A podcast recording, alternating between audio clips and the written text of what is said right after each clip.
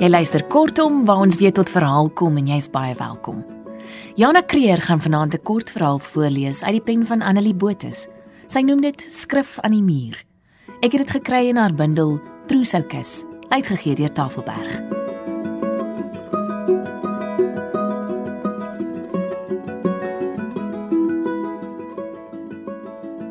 Die man vou sy knipmes oop.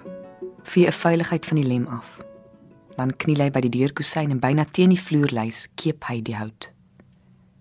Hy kyk teen die deurkusyn op. Probeer 5 jaar se diggemerkte kerfie stel.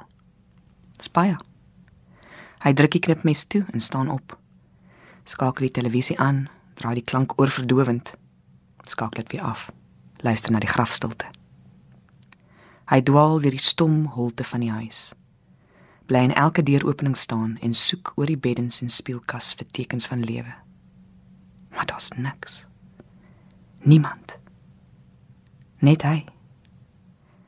Een vir een knip hy die ligte af en gaan sit op sy knieë by die deurkusyn. Tel die kerfmerkies van 5 jare met sy vingernaal. Hoe kon hy regkry om 5 jaar op sy voete te bly? Heel te bly. Kom daar dan nie 'n dag waarop mens ineenstort en doodgaan van gemis nie? Nee. Jy bly regop om vas te hou aan 'n laaste waarskynlikheid dat die dag sal kom waarop Sarah weer by jou sal wees en jy kan bed toe gaan sonder om 'n keep in die deurkusyn te maak. In die eerste jaar nadat Sarah weg is, het hy hom afgekordon van homself. Wou hy sy sinne opsetlik verdoof. Geëet, gebad, geslaap, geskeer, gewerk, soms kerk toe gegaan, hare laat sny. Omsigtig op stiltye wanneer daar min mense was wat ondeurdagte vrae vra of met honde oë na hom kon kyk. Hy wou nie Sarah se afgesonderde bestaan met ander deel nie of al met mense bespreek nie. Dit sou soos hoogverraad wees. Daar waar Sarah is, is sy beskerm. Afgesper van starende oë en sensasie. Hy het met die dokter gereël, geen tuisdorp besoekers nie. Hoekom nie? Die dokter was verbaas. Nee. Dit voel verkeerd. Buitendien, sy praat nie eens met my nie. Ek wil haar nie blootstel nie. Op die dorp was die maklikste uitweg om mense te vermy. In en uit by die apteek, haastig by die haarkapper, vinnig koop, jaag huis toe, sluit die garage deur en tuinhek, trek die gordyne dig voor die straatkant vensters. Sonder haar was die dae sinloos. Niemand wat sy broeknate toestik of met modderhande tussen die blomme vroetel nie saans saam met hom vuur maak en sterre kyk nie. As hy die moed het, sou hy moer om haar terug te hê. Sarah, wat aan sy hart behoort. Hy sal niemand toelaat om haar nagedagtenis te versteur nie. Laat hulle in die straat en winkels en rondom kombuistafels praat soos hulle wil. Hier in sy huis waar niemand sien wanneer hy na die plafon staar nie, sal hy aan haar beeldenis vasklou. Immer bid op uitkoms. Hy het die blik met die laaste koffiekorrels op die spensrak gebeere, omdat Sarah daarvan gedrink het. Twee harde gemmerkoekies, halfgebrande kersstompie. Die sykouse en nagklere wat in die wasgoedmandjie was. Die koerant waarop haar koppie 'n melkring agtergelaat het, 'n halfgebreide babakousie, gesangeboek. Onvoltooide legkaart op die eetkamertafel. En die verdwaaltyd van die eerste jaar het hy begin om die dae met sy knipmes op die deurkusyn uit te kerf. Een kerfie elke aand voor hy die kamerlig afknip. Om aan homself te bewys hy kon nog 'n dag staande bly. Een kerf. 10 100 1000 verby 1000. Met elke kerfie het hy 'n oppermag gesmeek om Sarah gesond te maak en terug te stuur sodat sy snags die bed kon warm lê sodat sy kon lewe bring in die dooie vertrekke. Blomplantjies in die beddingsplant, geel gesiggies, persviooltjies, weeskindertjies, Josefsklede, rankkappertjies, sodat die huis na braai hoender en groen bone en soet patats kan ruik. Verlang na musiek, poeiereka, klam onderklere aan die storthakkie. Hy was desperaat. Wat het in Sarah gebeur? Kon die kind se dood haar so omvergooi? Immers was dit nog nie 'n lewende mens aan wie sy kon vasword nie. Wie se handjies om haar middelvinger vasvat wat wat sy aan haar bors sit om te drink. Wat het so drasties breek in Sarah. So erg dat sy haar van die wêreld moes afsny. Baie vrouens gee 'n kind aan die dood af en, en kom weer emosioneel oorent. Hoekom het Sarah krom gebly?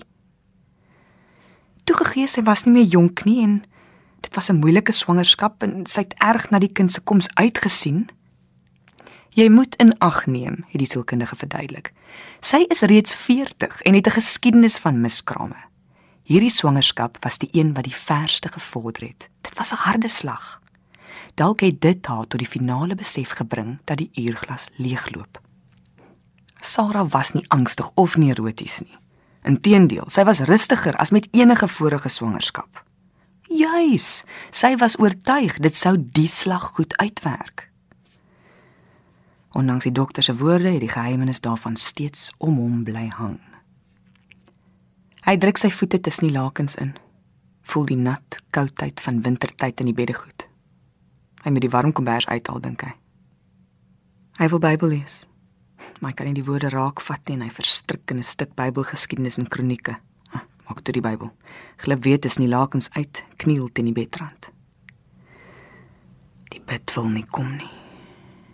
Hy bly so staan tot sy kuite en voete yskoud is. Die eerste winter sonder Sarah was hy alleenste. Die wanhoopigste. Hy was oortuig sy sou hoogstens 2 weke lank gehospitaliseer word en dan huis toe kom. Alles sou normaal voortgaan. Sy sou weer swanger raak en 'n lewende kind in die wêreld bring. Maar toe kom die winter en niks was soos hy gehoop het nie. Dit was hel om haar so stomp verdwaald op die tuinbank by die siniekliniek te sien. Skadu's van die olienhoutboom wat oor haar gesig dans, starende oë, slap, wildose hande op haar skoot. Geen erkenning of blydskap oor sy besoeke nie kyk dwars deur hom asof hy 'n boom of 'n of 'n wolk of 'n graspol is. Sy lag nie, huil nie, praat nie. Geen manier waarop hy kon weet sy verlang na hom of of voel 'n gemis nie. Geen teken dat sy hoegenaamd bewus is van 'n verlede nie. Aanvanklik het hy gedink dit sou oorgaan, maar dit het nie. Sarah het heeltemal stil geword. "Wat doen julle met haar?" het hy moedeloos vir die dokter gevra. Hoekom suig sy haar duim soos 'n kind? Dit bevredig haar instinkte na vertroosting en beskutting. Baie babas suig hulle duime selfs in die baarmoeder. Dit wou hom gek maak. Hoort sy hier? Sy's tog nie siek nie, sal sy nie vinniger herstel by die huis? Nee. En sy is siek. Die terapie is daarop gemik om Sy's al 4 maande hier en daar's geen vordering van enige aard nie. Hoe is dit moontlik, dokter? Hoe kan 'n gesonde, regdenkende mens in 'n dag se tyd ons weet nie. Niemand weet nie. Die siege van 'n mens is ingewikkeld en dit kan nie gemonitor word nie. Met genoeg tyd. Hy was ongeduldig, gramstorig. Kon nie toe kyk hoe die dae weke word en die weke maande nie. Hoeveel tyd is genoeg tyd? Dalk 'n maand? 'n Jaar? Miskien jare. Jare. Dis onmoontlik. Sarah kon nie so ver weggesluit wees van haar bewustelike wêreld nie. Nie sy wat wat so uitbundig gelewe het en so maklik kon lief hê nie. Nee. Die antwoord is tyd, het die dokter gesê en die leer in die stalkabinet gebeere. Jy moet dit insien. Anders gaan dit vir jou emosioneel onleefbaar word. Gee haar tyd. Rus kalmte. Jy kan haar buitendien nie bedags oppas nie. Daardie winteraand het hy sy knipmes gevat en die eerste keep in die kusyn gekerf. Hy het soos 'n kind gehuil tot sy skouerblaaie stram was, sy gesig vel opgepof gevoel het, omdat hy nie verstaan het nie, omdat hy nie wou verstaan nie. Iewers in hom was 'n angs dat as hy by verstaan uitkom, dit 'n tragedie mag wees. Nee, het hy besluit. Hy sou dit beveg.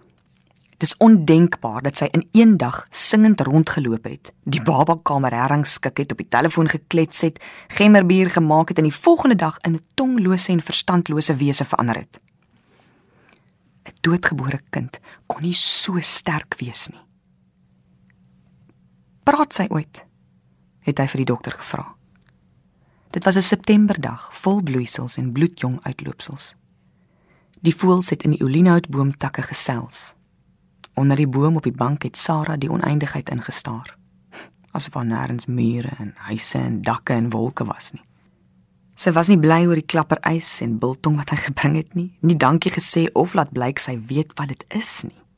Selfs nie die toktokkie wat oor die gras geloop het en wat hy op sy handpalm na haar uitgehou het, het 'n reaksie uitgelok nie.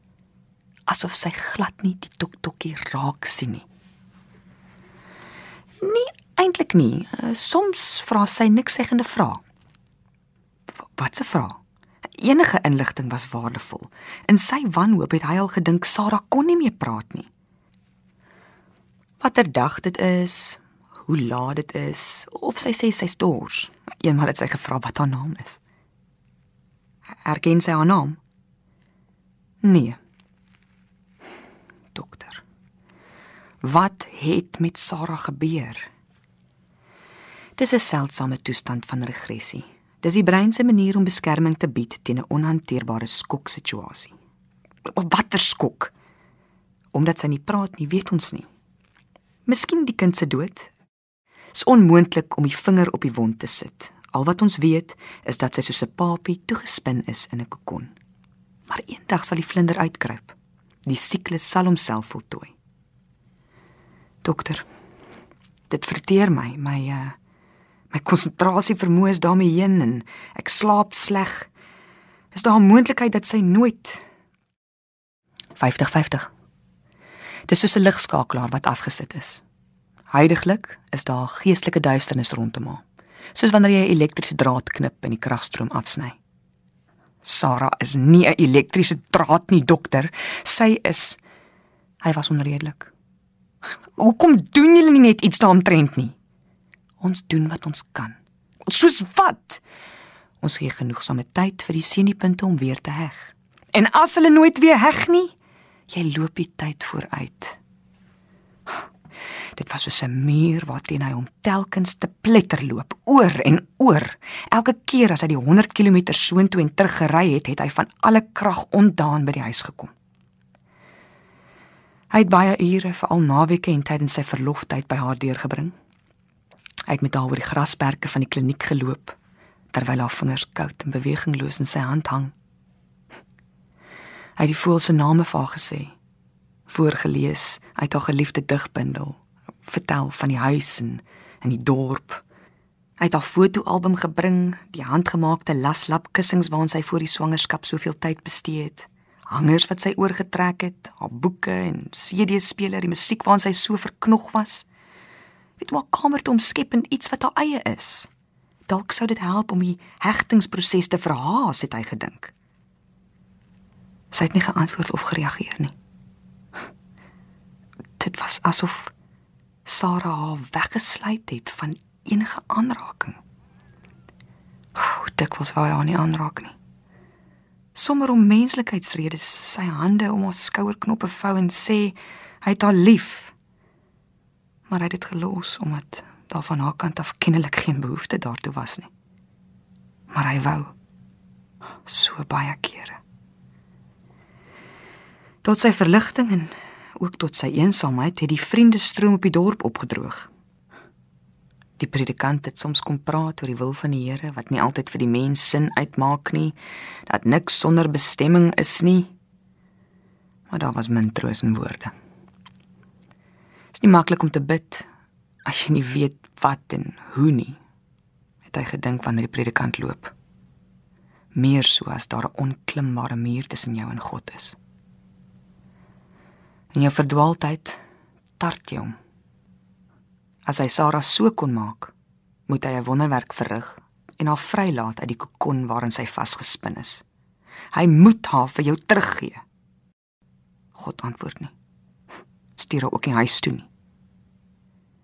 Somertyd bring die buurtannie 'n mandjie geel perskes en sê jy moenie dink jou tyd is God se tyd nie.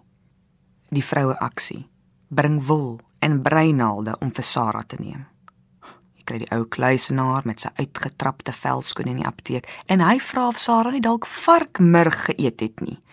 Jy wil huil. Na elke besoek dink jy aan Job wat sy seerplekke met 'n pot skerf gekrap het hoe Job elke draad aan sy lyf verloor het, maar nogtans in God gejubel het. Jy kan nie jubel nie want jy is nie soos Job nie. Vir jou is God te ver om aan te raak.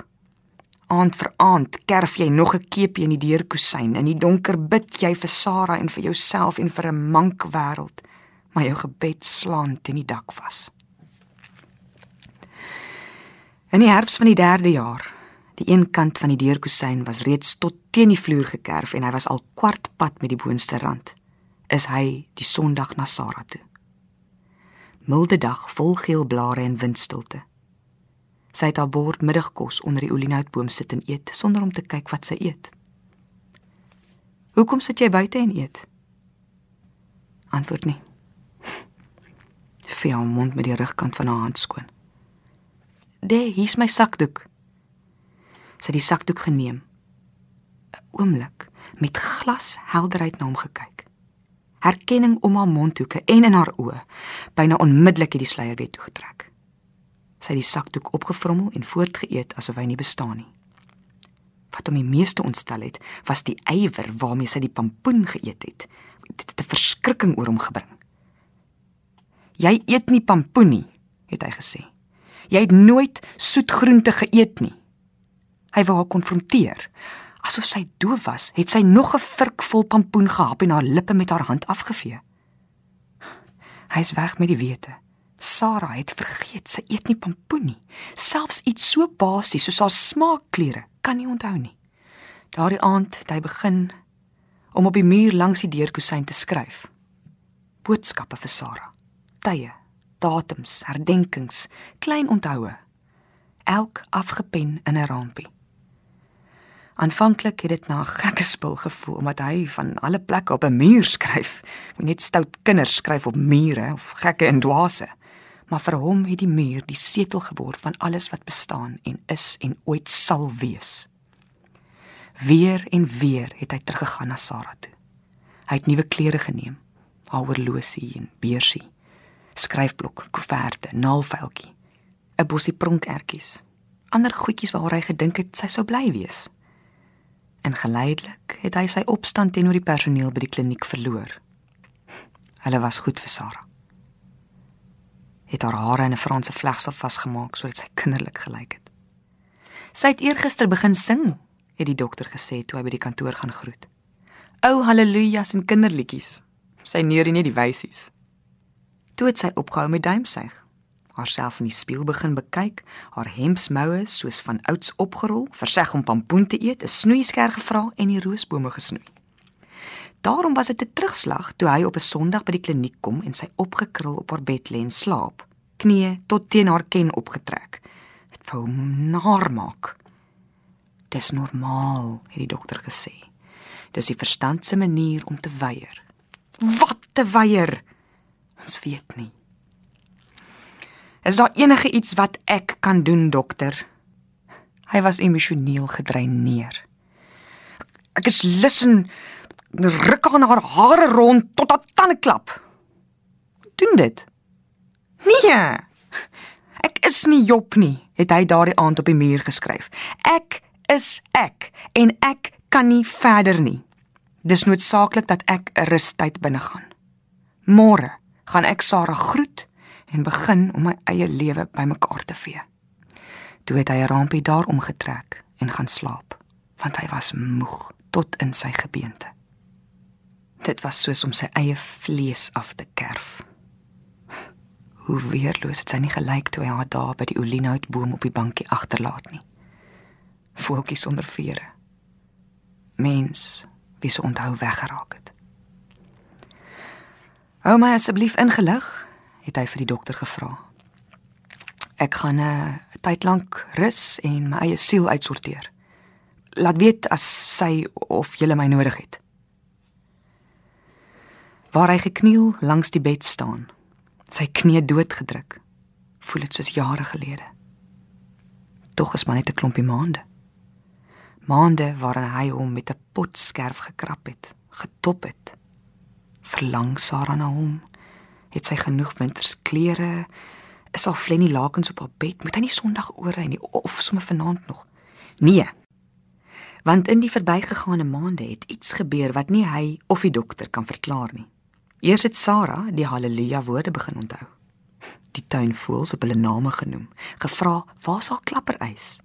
Bitter tee begin drink. Laat my daar in die klipkerkie gesit tot die son verby die getinte venster skuif. Jou afwesigheid het 'n positiewe effek, het die dokter oor die telefoon gesê. Ons hou voorlopig daarmee vol. Ah, hoe hoekom dokter? Ons het nie geheime nie, ons was altyd openlik oor alles. Sy kan tog nie vir my bang wees nie. Miskien herinner jy haar aan die harde realiteit. Dalk wou sy die kind vir jou in die wêreld bring.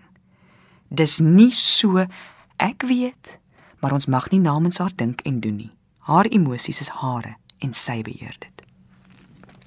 Wag. Dralende tyd. Nog 'n keep op die kusyn, nog 'n rampie vol woorde op die muur. Hy staan stram op en klim in die koue bed. Trek die kombers oor sy skouer. In die donker sug hy terwyl die slaap hom wegsleep. Iewers in die holte van die nag droom hy die telefoon lui en lui en hy kan nie sien waar om te loop in die donker nie. Vervaard skrik hy regop en tas na die ligskakelaar, stamp die waterglas om. Sy keel is droog, sy oë voel krimmerig. Die lyn piep en haar stem is 'n dowwe plof in sy kop. Dis ek. Sara. Wie? Ek. Sara, my kleingeld is op, bel my terug. 2 weke voor Kersfees koop Sara die blik vernis. Toe hy by die huis kom, ruik die huis na braaihoender en groenbone en warm vla. Sy staan met 'n kwas op die trapleer, besig om die muur vol skrif te vernis. Kaalvoet, lagend. Haar skouers bruin van die son en tuinwerk.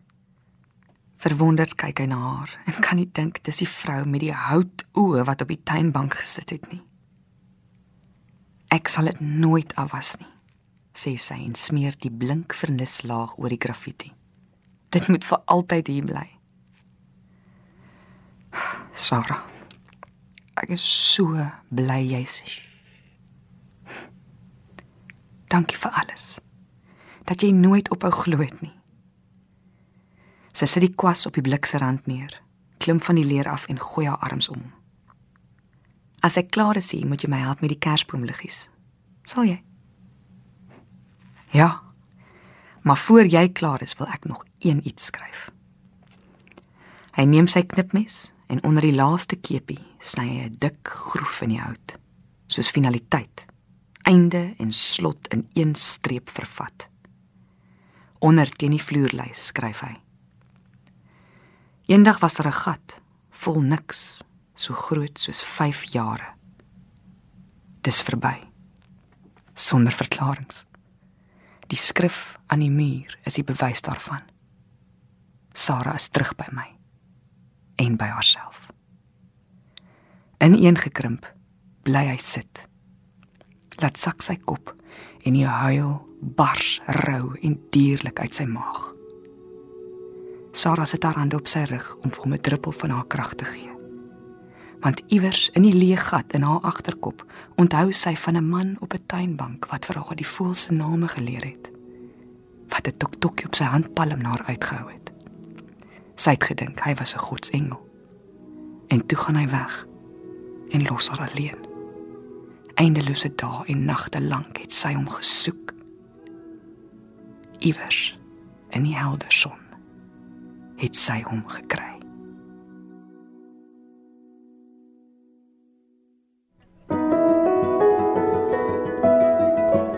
Dit was dan Skrif aan die muur deur Annelie Botus, voorgeles deur Jana Kreer. 'n Heerlike aand vir jou. Tot volgende keer. Totsiens. thank you